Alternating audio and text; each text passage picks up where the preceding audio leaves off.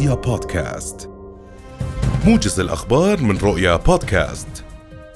يشارك جلالة الملك عبد الله الثاني والرئيس المصري عبد الفتاح السيسي والرئيس الفلسطيني محمود عباس في قمة ثلاثية تستضيفها القاهرة اليوم تجسيدا للتشاور والتعاون الدائم تجاه القضايا المتعددة على المستويات العربية والإقليمية والدولية. وتهدف القمة لتوحيد الرؤى بين القادة الثلاثة للتعامل مع التحركات السياسية والإقليمية والدولية لإنهاء الاحتلال الإسرائيلي للأراضي الفلسطينية. وكانت القاهرة قد استضافت في أيلول من عام 2001 2021 قمة ثلاثية مماثلة بحثت تفعيل الدعم الدولي والإقليمي للقضية الفلسطينية. وضع رئيس مجلس النواب أحمد الصفد المجلس بصورة زيارته والوفد البرلماني إلى العاصمة العراقية بغداد مؤكدا أن الوفد النيابي تلقى وعودا بقرب تنفيذ مشروع أنبوب نفط البصرة.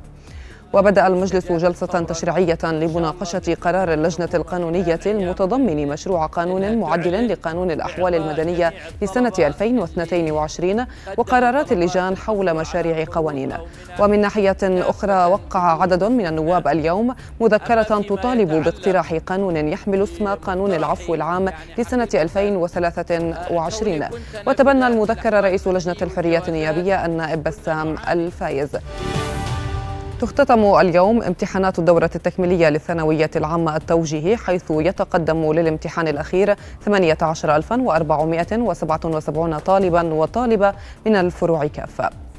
وقال مدير إدارة الامتحانات والاختبارات في وزارة التربية والتعليم الدكتور محمد كنانة لرؤية إن المخالفات والتجاوزات خلال هذه الدورة كانت ضمن حدودها المقبولة. مبينا أنه تم ضبط 393 مخالفة حتى اليوم العاشر من الامتحان تراوحت عقوباتها بين حرمان مبحث ل 26 طالبا وحرمان دورة واحدة ل 61 طالبا وحرمان دورتين ل 306 طلاب.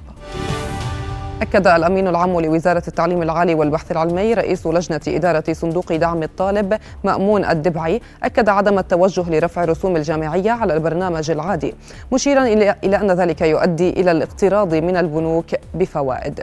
وأشار الدبعي خلال مؤتمر صحفي اليوم إلى حاجة الوزارة ل 35 مليون دينار لصندوق دعم الطالب في حال طبقت التعليمات بشكل محدود بدون زيادة بالموارد المالية. موضحا أن الحكومة تخصص فقط عشرة ملايين دينار للصندوق. دعت مديرية الأمن العام إلى ضرورة أخذ الحيطة والحذر خلال حالة عدم الاستقرار الجوي المتوقعة وما قد تشهده من غزارة في الهطولات في ساعات ما بعد العصر خاصة في جنوب وشرق المملكة.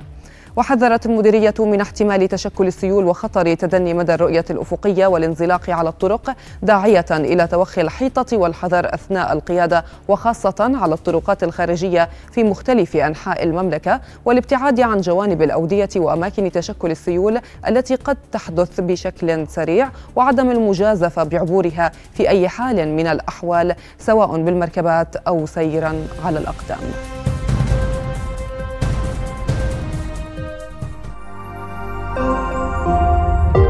رؤيا بودكاست.